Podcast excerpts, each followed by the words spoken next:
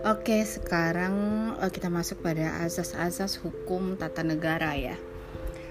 Jadi ada lima macam asasnya. Pertama itu asas Pancasila, yang kedua asas kedaulatan rakyat, yang ketiga itu asas negara hukum, yang keempat adalah asas pembagian kekuasaan, yang kelima asas negara kesatuan. Nah, maksud dari asas Pancasila sebagai asas hukum tata negara ya. Khususnya itu hukum tata negara Indonesia yaitu uh, bangsa Indonesia itu telah menetapkan falsafah.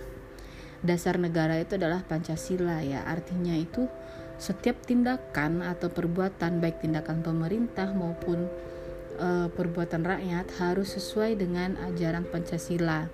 Dan dalam bidang hukum pun Pancasila ini merupakan sumber hukum material seperti yang saya bilang tadi uh, sehingga setiap isi peraturan perundang-undangan itu tidak boleh bertentangan dengan sila-sila yang terkandung dalam uh, Pancasila begitu.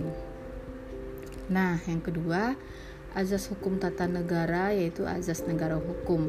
Ini ada pada pasal 1 ayat 3 bahwa negara Indonesia adalah negara hukum ya, pasal 1 ayat 3 Undang-Undang Dasar 1945 Nah, dengan begitu semua pejabat atau alat-alat negara itu tidak akan bertindak sewenang-wenang dalam menjalankan kekuasaannya. Ingat pada pertemuan satu uh, bahwa hukum tata negara ini adalah hukum membahas tentang kekuasaan, pembatasan kekuasaan begitu kan ya.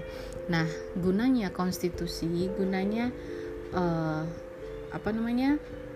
Negara hukum ini adalah untuk membatasi kekuasaan tersebut melalui apa? Yaitu melalui peraturan perundang-undangan begitu ya. Nah, yang ketiga azas kedaulatan rakyat dan ini juga ada pada pasal 1 ayat 2 Undang-Undang Dasar 1945. Kedaulatan itu kan artinya kekuasaan atau kewenangan yang tertinggi begitu kan dalam suatu wilayah. Nah, kedaulatan rakyat berarti kekuasaan itu ada di tangan rakyat. Nah, sehingga dalam pemerintah sehingga dalam pemerintah melaksanakan, tugasnya harus sesuai dengan keinginan rakyat begitu. Nah, yang keempat, azas ke azas negara kesatuan. Pasal 1 ayat 1 Undang-Undang Dasar 1945 menyatakan bahwa negara Indonesia sebagai suatu negara kesatuan yang berbentuk republik. Negara kesatuan adalah negara ke kekuasaan tertinggi atas semua urusan negara ada di tangan pemerintah pusat begitu ya. Walaupun kita juga mengenal adanya pemerintahan daerah. Hmm, yang kelima, uh, mana ini? Azas pembagian kekuasaan dalam checks and balances ya. Pengertian pembagian kekuasaan adalah berbeda-beda dari pemisahan kekuasaan ya.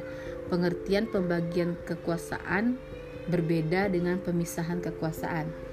Pemisahan kekuasaan itu berarti bahwa kekuasaan negara itu terpisah-pisah dalam beberapa bagian secara mutlak. Jadi legislatif yang mengerjakan uh, masalah tentang pembentukan peraturan perundang-undangan, eksekutif ya melaksanakan pelaksanaannya terhadap peraturan perundang-undangan dan juga yudikatif yaitu uh, bidang yudisial begitu ya.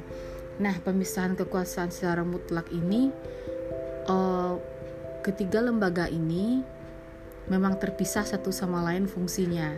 Tapi kita tidak menganut itu, kita menganut pembagian kekuasaan berdasarkan checks and balances. Maksudnya, pembagian itu masih ada koordinasi antara lembaga legislatif, eksekutif, dan yudikatif gitu.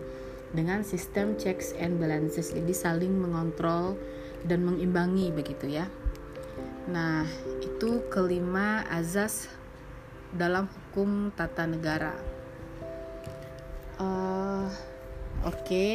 jadi pada pertemuan ini tadi kita sudah membahas sumber hukum tata negara dan juga azas dalam azas hukum tata negara. Nah, pada pertemuan tiga, pertemuan selanjutnya, saya berharap jaringannya baik-baik saja. Jadi kita bisa melaksanakan perkuliahan secara normal ya uh, via Google Meet. Nah, pertemuan ketiga nanti kita akan membahas tentang konstitusi sebagai objek kajian hukum tata negara dan norma hukum dan hierarki peraturan perundang-undangan.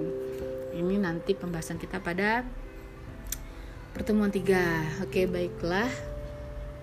Hmm, jadi ini materi pada pertemuan dua. Kenapa saya hanya merekam saja? Karena kita tidak punya waktu lagi untuk reschedule uh, karena sudah beberapa kali gak jadi kuliah gitu ya ditambah lagi beberapa waktu atau beberapa bulan ke depan saya akan melahirkan jadi mohon doanya jadi tidak ada waktu lagi untuk ganti jadwal. Nah recording ini podcast ini sebagai ganti pertemuan kedua. Nah tapi kabar gembira kabar gembiranya kalau pakai recording ini teman-teman semua bisa mendengarkan ya. Jadi tidak hanya bisa yang hadir saja biasanya kan yang yang mendengarkan materi kan yang hadir saja. Tapi ini teman-teman bisa save dan bisa didengarkan uh, jika ada pertanyaan nanti bisa bertanya kepada saya. Dan juga jangan khawatir nanti materi berupa slide powerpointnya juga akan saya lampirkan baiklah kalau begitu di pertemuan ketiganya saya harap teman-teman banyak yang hadir. Tidak hanya beberapa orang saja ya. Kalau begitu oke. Okay. selamat sore kalau di sini